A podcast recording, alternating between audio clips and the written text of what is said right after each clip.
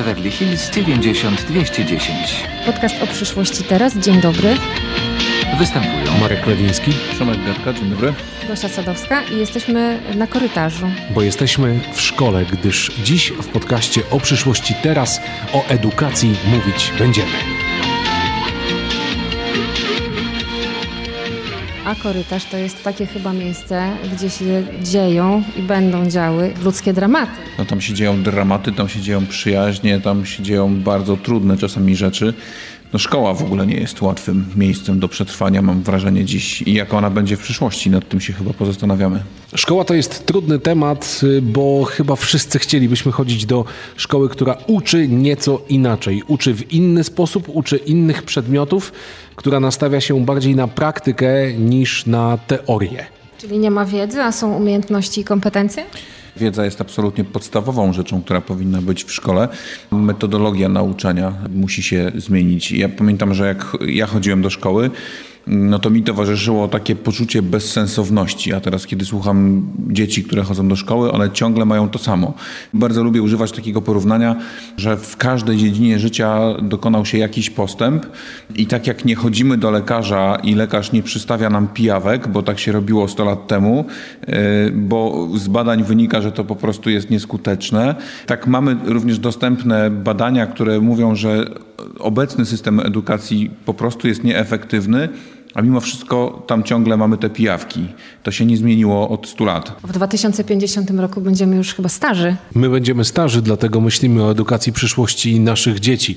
I chcemy, żeby nasze dzieci, czyli Janina, czyli Błażej, czyli Tymon i Hania, chodziły już do szkoły innej, w której uczyć będzie się po prostu w inny sposób. Słuchajcie, no ale ten 2050 rok to będzie moment, kiedy to ich dzieci będą w szkołach. No i ja mam nadzieję, że ich dzieci będą się uczyły o tym, jak się uczyć, bo świat im współczesny będzie wymagał od nich, tak jak już zresztą i teraz wymaga od nas y, ciągłego zdobywania nowej wiedzy i też takiej przyjemności ze zdobywania wiedzy. I wydaje mi się, że to jest bardzo ważne, żeby mm, szkoła w końcu zaczęła robić to w taki sposób, żeby, mm, żeby zachęcać i pokazywać, że zdobywanie wiedzy może być przyjemne, a nie tylko ciężką orką. Ja mam taki problem z edukacją szkolną, że w ogóle uznaję, że najlepszym nauczycielem w moim życiu był mój ojciec. I ja po prostu chciałbym, żeby właśnie tacy ludzie trafiali do szkół, którzy z pasją i zaangażowaniem przekazują wiedzę i sposób zdobywania tej wiedzy, o czym powiedział Przemek.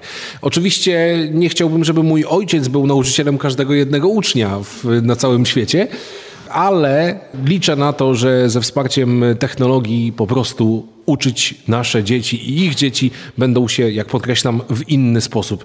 Przede wszystkim bardziej efektywny. Czyli praktyczny i przez całe życie. Wiesz co, chodzi mi o to, że ja mam do czynienia z dzieciakami w różnym wieku i rozmawiam z nimi na zupełnie różne tematy. Od tego, czy pamiętają wzór na prędkość w ruchu jednostajnie przyspieszonym, yy, tak, albo, w, yy, albo na przykład o rodzajach roślin, czy też yy, proszę ich o powiedzenie kilku zdań po angielsku. I często jest po prostu dramat. Te dzieci naprawdę niewiele wiedzą. A w szkołach pompuje się w nie mnóstwo informacji. Chciałbym, żeby one po prostu te informacje posiadły i w odpowiednim momencie potrafiły je wykorzystać. Słuchałem takiej świetnej rozmowy z y, Tomaszem Rożkiem, to jest taki popularyzator nauki, który mówił o tym, że okazuje się, że na przykład dzieci kończąc dzisiaj edukację nie wiedzą nic na temat y, zmian klimatu. A to jest temat, o którym dzieci wiedzieć cokolwiek powinny, wydaje mi się. No i on sobie zadał trud, żeby sprawdzić y, podstawy programowe całej szkoły podstawowej i okazało się, że tam w tej podstawie programowej wszystko, co dzieci wiedzieć powinny na temat zmian klimatu jest. Tylko problem jest taki, że Część z tego jest na biologii, część z tego jest na środowisku, część z tego jest na geografii. Ta wiedza nie ma szans się w żaden sposób zintegrować. I teraz docieramy do tego, że wystarczyłoby, żeby nauczyciele pracowali projektowo, a nie lekcyjnie, tak jak pracują teraz. Wystarczyłoby, żeby troje nauczycieli od geografii, od y, biologii i od chemii zebrali się razem i ustalili, że przez tydzień nie robią nic innego, tylko uczą się o zmianach klimatu. Wtedy dzieciak wychodzi z pełną wiedzą na ten temat i Podstawa programowa jest zrealizowana, nie trzeba nic dłubać w programie, wystarczy tylko zmienić system pracy w szkole i to naprawdę czasem wystarczy, nie, nie, niewiele potrzeba. Ale ja też bym bardzo chciał, żeby moja Hania w przyszłości wiedziała i znała założenia drugiego pokoju toruńskiego z 1466 roku. Tylko ja bym chciał, żeby ona umiała tę wiedzę praktycznie wykorzystać i żeby ona czuła, że ta wiedza jest jej do czegoś potrzebna. Właśnie chciałam cię zapytać, do czego jej to będzie potrzebne potrzeby. Będzie potrzebne jej do tego, żeby na przykład oprowadzić kogoś po wzgórzu katedralnym we Fromborku, albo na przykład, żeby wspomnieć o tym podczas wizyty w Muzeum Warmii i Mazur w Olsztynie, bo y, śmiem twierdzić, że najbliższych 30 lat olsztyński zamek y, kapitulny przetrwa i będzie można też do niego pójść na spacer. I właśnie tam będzie można powiedzieć o tym, że w 1466 roku Warmia została przyłączona do korony Królestwa Polskiego i to właśnie w granicach Polski przetrwała do pierwszego rozbioru. Ja bym chciał pójść jeszcze dalej, pamiętając też bardzo ciekawą rozmowę z profesorem Antonim Dudkiem, który jest historykiem, który mówił, że nie jest ważne, czy dziecko kończąc szkołę wie, że to było w 1466 roku. To nie ma aż takiego znaczenia. Ważne, żeby dziecko wiedziało, w którym wieku to się wydarzyło i jaki wpływ miało to na wydarzenia w przyszłości. Zakuwanie dzieciaków datami to jest mordowanie ich pędu do, do wiedzy. Dobrze, dobrze, bo nam się przerwa kończy, zaraz dzwonek, a jeszcze kilku gości w naszym podcaście o edukacji na pewno w przyszłości opowie. Kto ma kanapki? Ja już zjadłem.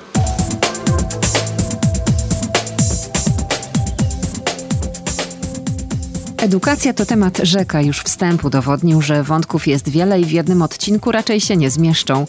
Nieważne, ile minęło od czasu korytarzowych dramatów 20 czy może 30 lat, pytanie już z rodzicielskiej strony mocy mamy jedno i dobrze wiemy, że trudno będzie odpowiedzieć, jaka będzie szkoła, a szerzej edukacja w przyszłości. Posłuchajmy więc, jaka mogłaby być i dlaczego.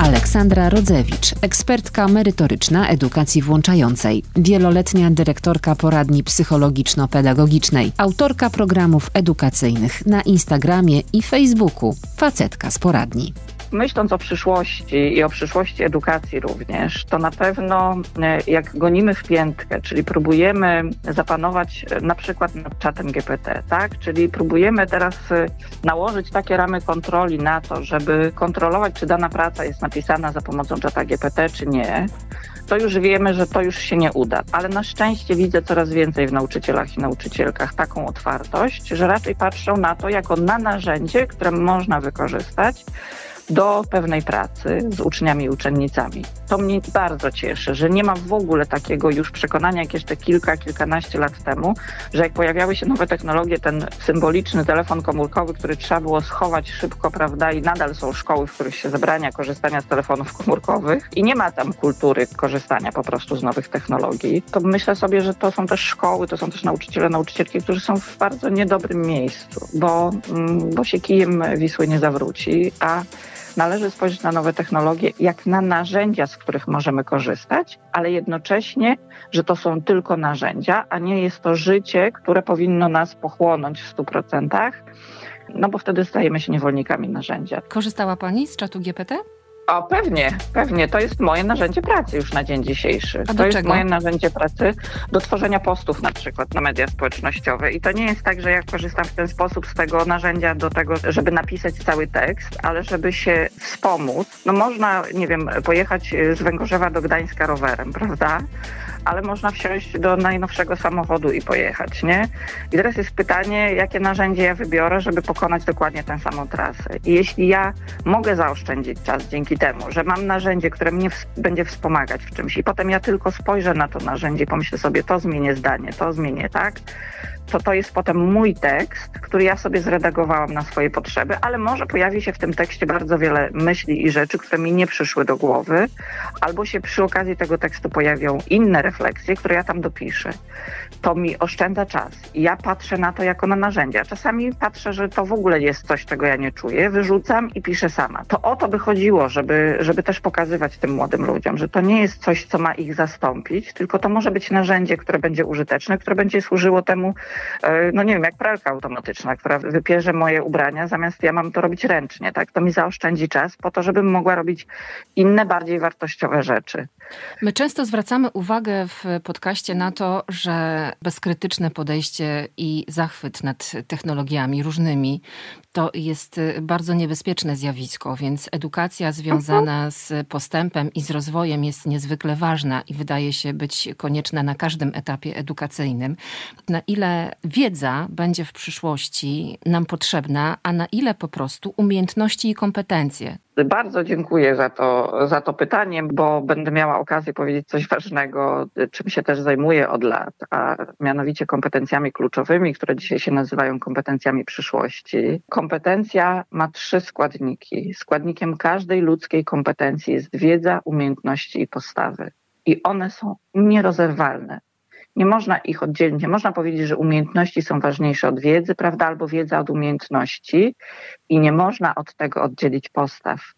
To jest tak, że ja dzisiaj zajmuję się na przykład inkluzją w edukacji. To nad czym bardzo ciężko dzisiaj pracuję, bardzo ciężko i z ogromnym hejtem też się spotykam w swojej pracy, ale jakby rozumiem też głęboko swoje zadanie jest to, żeby dać dzisiaj na tym etapie tego projektu, który realizujemy, rzetelną wiedzę ludziom, czyli wyposażyć w ten taki podstawowy składnik w tej kompetencji, czyli dać informacje. To jeśli oni to przełożą na swoje umiejętności, sprawdzą, że to działa albo nie działa, albo że będą chcieli tą wiedzę uzupełnić potem i zobaczyć, prze, przekładając to na umiejętności, i ja potem muszę zobaczyć, co się zadzieje w tych postawach ludzkich, tak? Czyli często jest tak, że postawa odrzuca mm, pogłębianie wiedzy. Na pewno Państwo też to dobrze wiecie, że jeśli ktoś jest y, w procesie uczenia się na, na, takim, na takim poziomie e, tak zwanej nieświadomej niekompetencji, czyli na samym dole procesu uczenia się i jak on nie przejdzie do momentu uświadomionej niekompetencji, czyli że założy, że on jednak czegoś jeszcze powinien się nauczyć w życiu, prawda? A ja się spotykam często w pracy swojej z ludźmi, na szczęście coraz rzadziej, ale dosyć często jeszcze się spotykam z ludźmi, którzy pracują z innymi ludźmi i oni zakładają, że oni się 20 czy tam 30 lat temu już wszystkiego nauczyli, że oni już nie muszą się uczyć, prawda? To jest bardzo złe miejsce. To jest moment, w którym ten człowiek już się nie uczy rzeczywiście i on jest na poziomie e, nieświadomej niekompetencji. On musi przełamać ten strach i dowiedzieć się w swojej też postawie, musi go przełamać, że, że uczenie się nie jest dowodem na brak kompetencji, wręcz przeciwnie, jest e, dowodem na to, że, że jestem człowiekiem, który wie, kim jest i czego chce i chce doskonalić swoje umiejętności. Nie bez przyczyny mówimy, uczyć należy się przez całe życie, że całe nie kończy się tak, to na szkole mamy, prawda, jednej, drugiej, tak, trzeciej. W kompetencjach w kompetencjach przyszłości w ogóle mówimy o tym, że to jest perspektywa, prawda, uczenia się przez całe życie. I jeśli nadal mamy w szkołach e, takich nauczycieli i takie nauczycielki, którzy są źli, że oni muszą się uczyć całe życie. Ja właśnie jutro będę prowadziła też spotkanie dla rodziców, takie jak ułatwić dziecku start w szkole podstawowej i jak rozmawiam z rodzicami, to często mówię, powiedzcie mi, jak pracuje pani, pan w sklepie, nie uczycie się cały czas w swojej pracy nowych rzeczy. Przecież wchodzą nowe rozwiązania, nie wiem, nowe programy na, na kasach, nowe rozwiązania e, w, w waszej pracy uczycie się każdego dnia nowych rzeczy, po prostu, bo świat się rozwija na potrzeby klientów. Ktoś e, prowadzi firmę budowlaną, ktoś prowadzi zakład mechaniczny, uczy się nowych technologii. I nie jest tak, że jego edukacja się zakończyła na, na etapie zakończenia szkoły. Ja mam poczucie, że czasami dynamicznie się rozpoczyna wtedy. I to też jest fajnie tak myśleć o tym, że to nie jest nic złego, że ja będę musiała się uczyć całe życie. To jest dla mnie osobiście, to jest e, super perspektywa. I jak myślę właśnie o tym, o najbliższych latach, myśląc też o sobie i o swoim rozwoju, to ja bym chciała mieć możliwość uczenia się nowych rzeczy. Bo jeśli ja się przestanę uczyć nowych rzeczy, to mi będzie bardzo smutno i źle, że ja już, e, że już nie mam dostępu do nowych informacji, prawda? Nie chcę tylko czytać, nie wiem, nagłówków gdzieś tam w internecie. Ja chcę mieć możliwość e, uczenia się nowych rzeczy, sprawdzania tych kompetencji i właśnie mieć możliwość wypowiedzenia się, czy to dla mnie jest użyteczne, czy to dla mnie jest dobre, czy to mi służy, czy to służy ludziom, z którymi ja pracuję, tak? Bo ja jestem z tych, która bierze narzędzie, sprawdza, jeśli ono jest użyteczne, mówię fajnie, biorę i korzystam, a jeśli uznaję, że to jest y, nieużyteczne, niefajne, niczemu nie służy, to po prostu mówię, to może komuś innemu posłuży, ale mi nie służy, prawda? I jeśli mamy w perspektywie w pracy taką postawę, no to wtedy e, szukanie wiedzy i zdobywanie umiejętności idzie nam dosyć gładko przez całe życie. Ja ostatnio z Przemkiem rozmawiałam o nowym człowieku to, że możemy się uczyć albo nabywać nowych kompetencji, dziś jest niemalże w zasięgu ręki. Czasami jest związane z nakładami finansowymi, bo nie wszystko jest za darmo i nie wszystko możemy odnaleźć w internecie. Natomiast ten nowy człowiek, który nam rośnie w domu, albo wyrośnie jemu w domu, bo już mówimy o dzieciach naszych dzieci, to będą takie osoby, które żyją w zupełnie innym świecie. I oczywiście wiemy, że rzeczywistość nam się zmienia. Jako rodzice musimy być naprawdę bardzo czujni, aby nie tylko nadążyć, ale również zauważyć, że ten nowy człowiek będzie po prostu inny, czasem nawet daleki od nas. To znaczy, że jego wartości, zasady, którymi się będzie kierował w życiu, po prostu nie będą spójne z tym, co my sobie stawiamy e, za cel. I chyba to rozumienie jest tutaj również istotne. W ogóle rozumienie, że się rzeczywistość zmienia. A mam wrażenie, że jest bardzo wiele osób, które temu zaprzeczają że to ma być tak jak teraz, to ma być tak jak ja chcę i tak jak ja mówię. Mhm. I tak jak ja pamiętam ze O, swoich właśnie. czasów, prawda, bo wtedy ja byłam młoda i piękna i to mi daje poczucie bezpieczeństwa, bo to znam, bo to jest moje. I dopóki tak będzie, myślę sobie, że tak będzie zawsze, tak było, jest i będzie.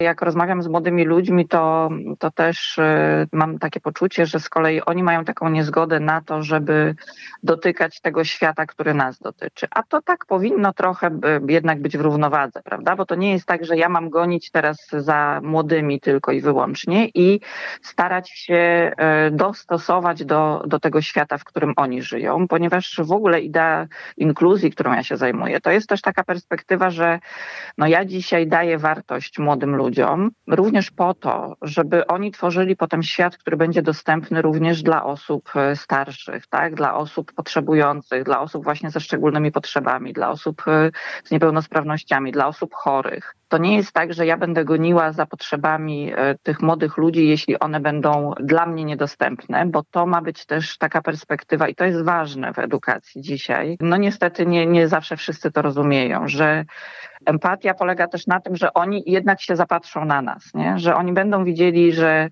e, mama, tata, dziadek, babcia, prawda, to nie są denerwujący staruszkowie, którzy niech znikną w ogóle z mojego życia, bo mnie denerwuje to, e, że oni się zachowują w taki sposób, że nie wiem, że ktoś się wolno porusza albo że, że ma inne potrzeby niż ja. Nie, to ma również być tak, że my dzisiaj ich wychowujemy, nie lubię słowa wychowujemy, ale dzisiaj e, jakby staramy się ich wspierać też w zrozumieniu tego świata.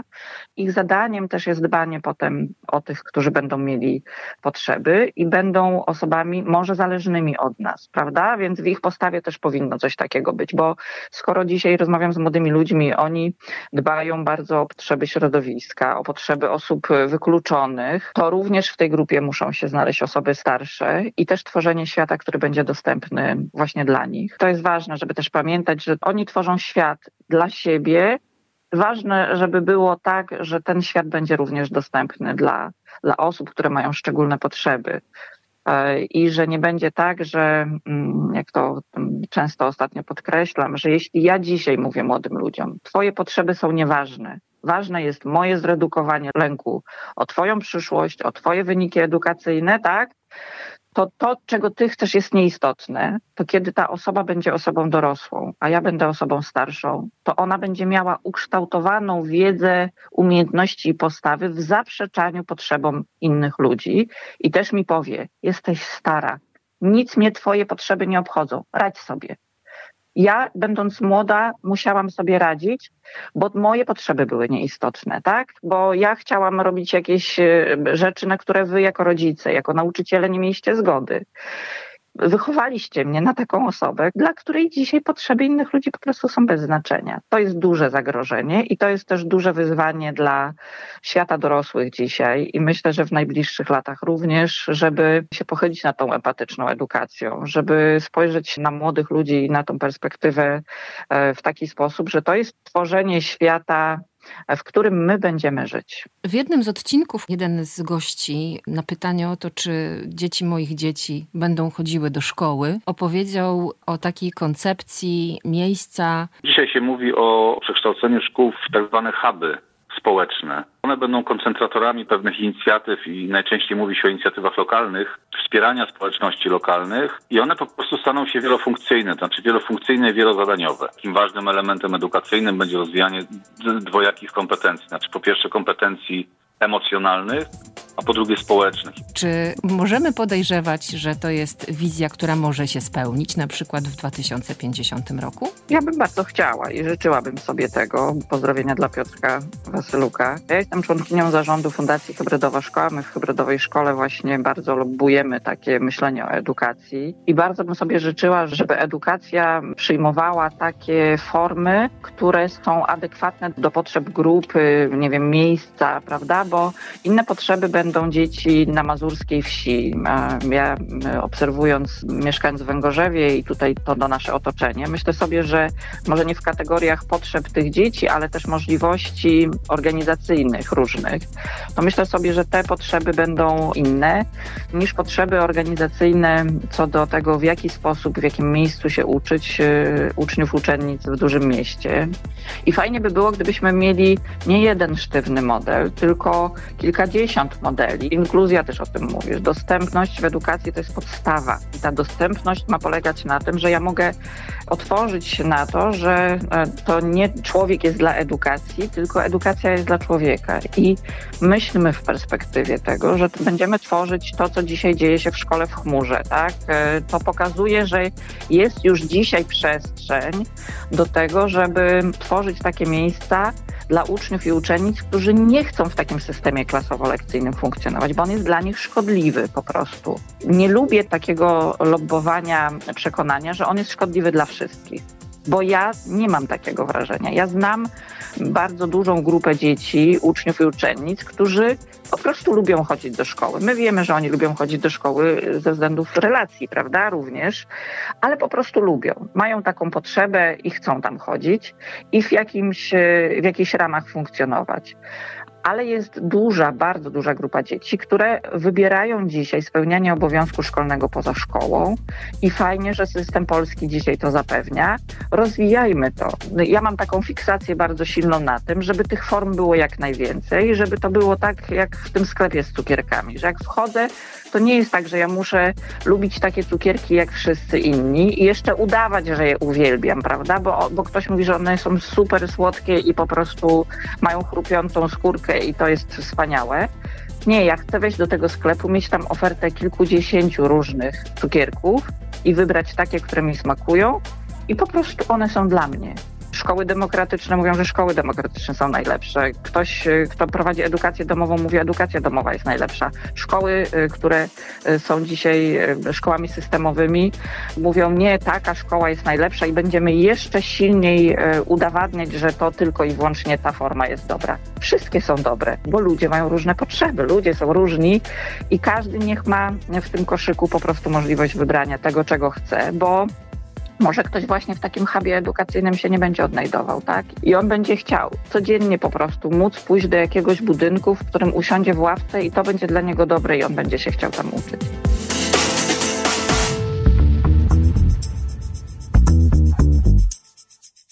Dzwonimy dalej, tym razem do Pauli Bruszewskiej z Fundacji Zwolnieni z Teorii. Od 2013 roku wraz z Marcinem Bruszewskim i Rafałem Flisem wychodzą naprzeciw edukacji szkolnej, uzupełniając ją o przestrzeń do zdobywania praktyki. Jak? Poprzez Olimpiadę Projektów Społecznych, czyli kilka osób zbiera się, myśli, bada, znajduje problem i wspólnie go rozwiązują. Z Paulą Bruszewską również przeniesiemy się mniej więcej do 2050 roku. Już teraz widać, że wiedza to jest tylko część tego, co e, potrzebujemy mieć i w co potrzebujemy być wyposażeni na przyszłość, a znakomitą większość albo może nacisk większy jest w tym momencie kładziony na kompetencje. A to dlatego, że ta wiedza już dziś jest dostępna w internecie. Właściwie każdy z nas trzyma przy sobie smartfon, na którym może różne rzeczy sprawdzić. W cenie zaczyna być to, jak krytycznie podchodzimy do tej wiedzy, którą możemy sprawdzić, ale też czego konkretnie chcemy szukać. Tu już e, wchodzą w grę kompetencje, a nasza szkoła dzisiejsza jest zdecydowanie bardziej nastawiona na to, żeby przekazywać wiedzę. fakty, niż właśnie, żeby uczyć krytycznego postrzegania ich interpretacji, e, samodzielnej komunikacji czy współpracy, która e, teraz wychodzi bardzo mocno na pierwszy plan w sytuacji, w której no nawet takie rzeczy jak treści takie copywriterskie, takie profesjonalne teksty jest w stanie przygotować za nas sztuczna inteligencja. Więc e, zdecydowanie idzie to w tą stronę, żebyśmy my uczyli się tego, co unikalne dla ludzi, a nie dla maszyn, czyli właśnie kompetencje miękkie, kompetencje praktyczne, przedsiębiorcze. Każdy to nazywa troszeczkę inaczej. Ja lubię o tym mówić kompetencje 4K. To jest komunikacja, kreatywne myślenie, krytyczne myślenie e, i kooperacja, czyli tak zwana współpraca. E, druga rzecz, którą widzę, to zdecydowanie większa indywidualizacja edukacji. Teraz e, wszyscy idziemy podobnym programem, coś można wybrać w szkole, ale jest tego jednak niewiele. Zajęcia w szkole są takie same dla całej klasy, kiedy tam siedzi 30, 40 bardzo różnych od siebie osób o różnych charakterach, różnych talentach, różnych sposobach przetwarzania informacji. Każdy z nich mógłby się uczyć e, skuteczniej, e, gdyby ta ścieżka edukacji była dostosowana do jego predyspozycji. Co wie, a co umie nowy człowiek? Tak, no przede wszystkim umie współpracować, dlatego że świat staje się coraz bardziej skomplikowany i e, dla jednej głowy to często jest za dużo i już dzisiaj widzimy, że Nobla poza literaturą nikt nie dostaje w pojedynkę. To są spore zespoły, które nie tylko są zbiorem e, indywidualnych talentów, ale muszą umieć ze sobą współpracować, żeby to wszystko się złożyło w osiągnięcie.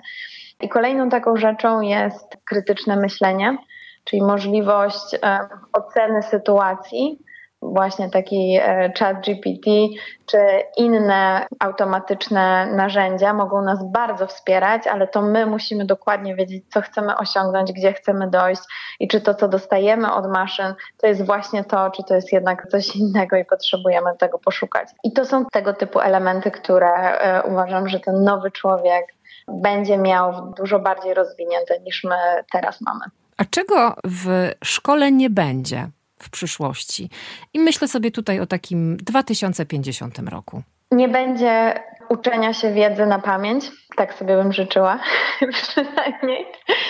I nie będzie jednego schematu, przez który będzie prowadzony każdy uczeń. Będzie ich bardzo, bardzo wiele. Ja wiem, że moich kolegów interesuje to, czy w przyszłości będą prace domowe. Wydaje mi się, że w sytuacji, w której teraz mamy na przykład hybrydową pracę, e, to wszystko się trochę bardziej zaciera ta granica, gdzie jest e, życie prywatne, a gdzie jest praca, i podobnie będzie się działo ze szkołą. E, teraz szkoła jeszcze jest bardzo mocno tu i teraz i w takiej szkole jest ta granica bardzo wyraźna, ale w sytuacji, w której coraz więcej tej e, części szkoły będzie przechodziła do internetu, do online'u, e, a jest to nieuniknione i wszyscy się na to dość mocno otworzyli w pandemii, więc to, to postępuje cały czas no to w takiej sytuacji to się będzie mieszało, więc ciężko będzie moim zdaniem wtedy stwierdzić, co jest pracą domową, a co jest pracą w szkole. A będą w niej nauczyciele, nauczycielki, przewodnicy, mistrzowie, mistrzynie? Od kogo się będziemy uczyć? Zdecydowanie to byłaby smutna rzeczywistość, gdybyśmy mieli pozbyć się prawdziwych, empatycznych ludzi, którzy są przy nas i nam towarzyszą.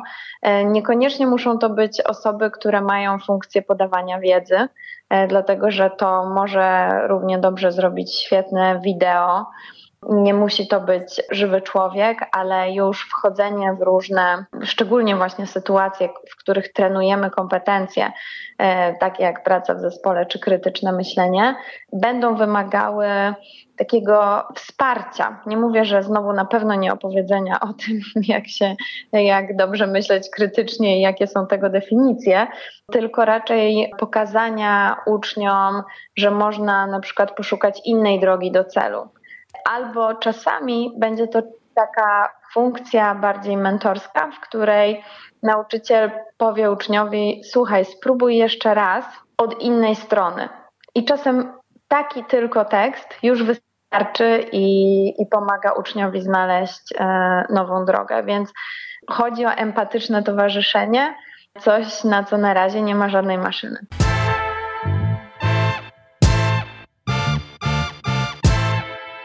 Podkreślamy w podcaście o przyszłości teraz, że o technologii warto wiedzieć jak najwięcej, bo zmienia nasz świat na zawsze. Choć dziś słyszymy o tym, że może postępowi sztucznej inteligencji, a na pewno czatowi GPT warto opuścić szlaban, to wiedza jak używać technologii właśnie powinna być przekazywana rzetelnie, ciekawie, sensownie i tak, aby to ona nam służyła, a nie my jej. Dlatego o pierwszym na Warmii i Mazurach Fablabie też porozmawiamy z Igą I Wojciechem Gajewskim ze Stowarzyszenia Robisz To, którzy w Olsztynie właśnie otwierają pracownię aktywnego korzystania z technologii. Po pracowniach aktywnego korzystania z technologii myślę, że możemy się spodziewać tego, że będą umożliwiać bez względu na wiek, bez względu na płeć czy możliwości ekonomiczne dostęp do nowych technologii, ale też do edukacji cyfrowej, edukacji przyszłości, edukacji w kompetencjach przyszłości, czyli właśnie pracownie, które powstają teraz w całej Polsce, czyli właśnie w Olsztynie, również pracownia we Wrocławiu, w Tarnowie i w Łodzi. Te pracownie PAKT mają umożliwiać dostęp do technologii i też wiedzy i umiejętności, jak z tych technologii mądrze korzystać i do czego można je wykorzystywać i jak za pomocą różnych technologii można rozwiązywać problemy. I tutaj w, w każdej z tych pracowni różne technologie się pojawiają. E, w naszej olsztyńskiej na przykład będzie osobno przestrzeń do druku 3D, osobna przestrzeń do zajęć audiowizualnych e, ze studiem nagrań, osobna przestrzeń dla maszyn CNC i też e, przestrzeń stolarska z elektroniką elektronarzędziami, więc my będziemy w szczególności prowadzić warsztaty właśnie w tych rejonach i właśnie nasze warsztaty i same pracownie PAK nastawione są na edukację dzieci, młodzieży, ale też dorosłych i nauczycieli, aby właśnie być gotowymi zmierzyć się z tymi wyzwaniami, czy rynku zawodowego już teraz, albo za kilka, kilkanaście lat. Co mają elektronarzędzia wspólnego z nowoczesnymi technologiami? Bo ja sobie wyobrażam tą farmę drukarek 3D i studio audiowizualne, wizualne i to wszystko tak świetnie brzmi, ale tutaj myślę sobie o pracy raczej intelektualnej, a elektronarzędzia, no to podwijamy rękawy koszuli i robimy coś własnymi dłońmi. Tak? No zdecydowanie, tylko że y, z jednej strony mamy tak, część projektową, część analityczną, projektową, modelowanie i to jest y, praca wykonywana dzisiaj przy pomocy komputerów. Natomiast no, jeżeli y, chcemy dany model sprawdzić, zweryfikować, no to używamy później maszyn do wycinania, do stworzenia tego fizycznie i stąd ja osobiście nie wyobrażam sobie tego, żebyśmy też nie używali elektronarzędzi, bo one dopełniają całej układanki. Ploter laserowy e, czy jakaś maszyna CNC, czyli sterowana numerycznie, może nam coś wyciąć, może nam coś wyfrezować, natomiast następnie i tak będzie e, po tej maszynie trzeba coś doszlifować, coś, e, coś dokręcić. Ja myślę, że w tym jest ukryte jakieś takie piękno wytwórczości w ogóle i tworzenia. Dlatego z tym wychodzimy y, do, do szkół obecnie dzięki paktom. Z tym wychodzimy też do osób indywidualnych, do osób, które szukają nowych kompetencji, chcieliby wykonać jakiś projekt E, coś, co chodzi im po głowie, a nie można e, tego kupić. Tak? No, my, my, też jako e, taką cechę narodową myślę, że Polacy zawsze mieli coś takiego w sobie, że kombinują. To zresztą widać we wszystkich konkursach typu Łazik Marsjański. Jesteśmy rewelacyjni w szukaniu jakichś nowych rozwiązań i nietypowych rozwiązań, a więc uważam, że w szkołach odebrano nam bardzo ważną przestrzeń, przestrzeń do tworzenia. Chciałabym podzielić się z Wami jedną refleksją. Miałam okazję podczas e, dżemu projektowego w Olsztynie spotkać się z osobami, które urodziły się już w latach 90. One nie wiedziały, kim jest Adam Słodowy. Hmm. Adam Sudowy. Ty Iga wiesz, kim jest Adam Wiem? Wiem, jeszcze się chyba załapałam, chociaż też się urodziłam w latach 90. A w kontekście jutra, takiego bardzo szeroko pojętego, ja myślę tutaj sobie o dekadach, odbierać to, co dzisiaj robicie. Taką mocną inwestycję w umiejętności i tutaj użyję takiego sformułowania nowych ludzi. Takich osób, które dzisiaj mają po kilka lat nawet. To ja powiem, a Iga na pewno dorzuci coś od siebie, e, bo, bo mi przychodzi od razu do głowy to, że nawet patrząc na przegląd konferencji, myślę, że 50% konferencji na temat przyszłości ma takie, taki, taki człon rethink, przemyśleć, przedumać jeszcze raz to, co my używamy. I to nie przez przypadek. Jesteśmy w momencie e, historii, kiedy e, pewne e, źródła energii, pewne rozwiązania no, są na wyczerpaniu. Tu naprawdę już nieodległej przyszłości będziemy musieli wymyślić na nowo, jak dogrzewać domy, jak e, jeździć e, z miasta do miasta. To, to nie są tak odległe problemy. Ja wiem, że z, może zacząłem trochę z takiej ogólnej, bardzo szerokiej perspektywy, ale cała idea Fablabów, a więc takich pracowni, która, która właśnie powstaje i w Olsztynie będzie się nazywała pracownia aktywnego korzystania z technologii, służy właśnie temu, żeby udostępnić trochę przestrzeń i technologię do tego, żeby działać i spróbować odnaleźć, przemyśleć rozwiązania, które mamy. Choćby zaczynając od prostych rozwiązań, y, które stosujemy w domach, y, prostej elektroniki, prostej techniki, którą gdzieś tam y, próbujemy zreperować to, co mamy, po czemu nie myśleć już o jakichś rozwiązaniach, które mogą się spodobać na NASA. Tak? Też myślę, że nasze pracownie tym nowym ludziom, tym młodym ludziom, którzy już za chwilę będą żyli w zupełnie innym świecie niż ten, w którym my żyjemy, myślę, że nasza pracownia daje też takie umiejętności nie tylko technologiczne stricte, które potem mogą wykorzystać w swojej pracy zawodowej już niedługo, ale też umiejętności miękkie, e, które są bardzo w inny sposób kształtowane na naszych zajęciach niż w szkołach. U nas e, pracujemy metodologią STEAM, która nie tylko zakłada interdyscyplinarność, czyli łączenie różnych dziedzin, matematyka, nauka, sztuka i przeplatanie się tych wszystkich dziedzin, ale w naszym rozumieniu STEAMu, jako naszego stowarzyszenia Robisz To, jest to też stawianie na pracę w grupach, pracę projektową z mądrym i efektywnym podziałem na, na zadania, na role.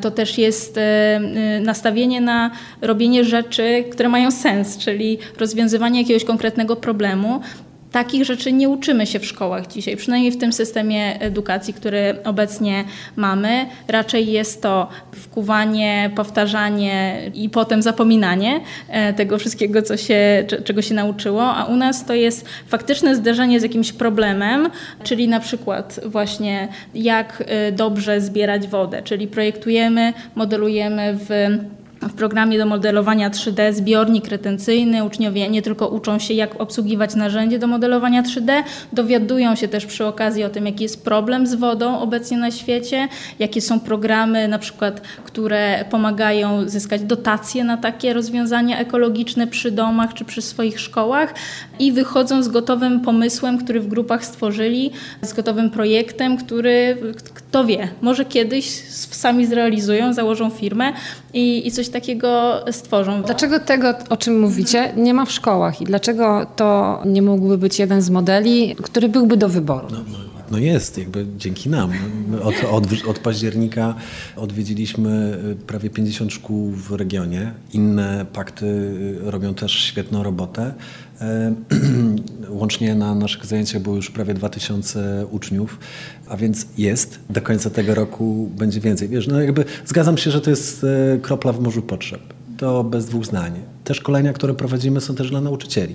Trochę jak mantrę y, może rzeczywiście powtarzamy y, się o Steamie, że to jest jakieś rozwiązanie tego tematu. To, to jest jedna z metodologii. Natomiast wierzymy, że pasuje do, do tej natury właśnie naszej kultury. Szkoły no, mogłyby wrócić do, do Steamu. Tak naprawdę mogłyby znowu spróbować y, pokazać, że można manualnie wykonać jakiś projekt. Adam Słodowy był makerem, gdyby prowadził zajęcia jeszcze dzisiaj w szkole, no to pewnie by to się nazywało Steam.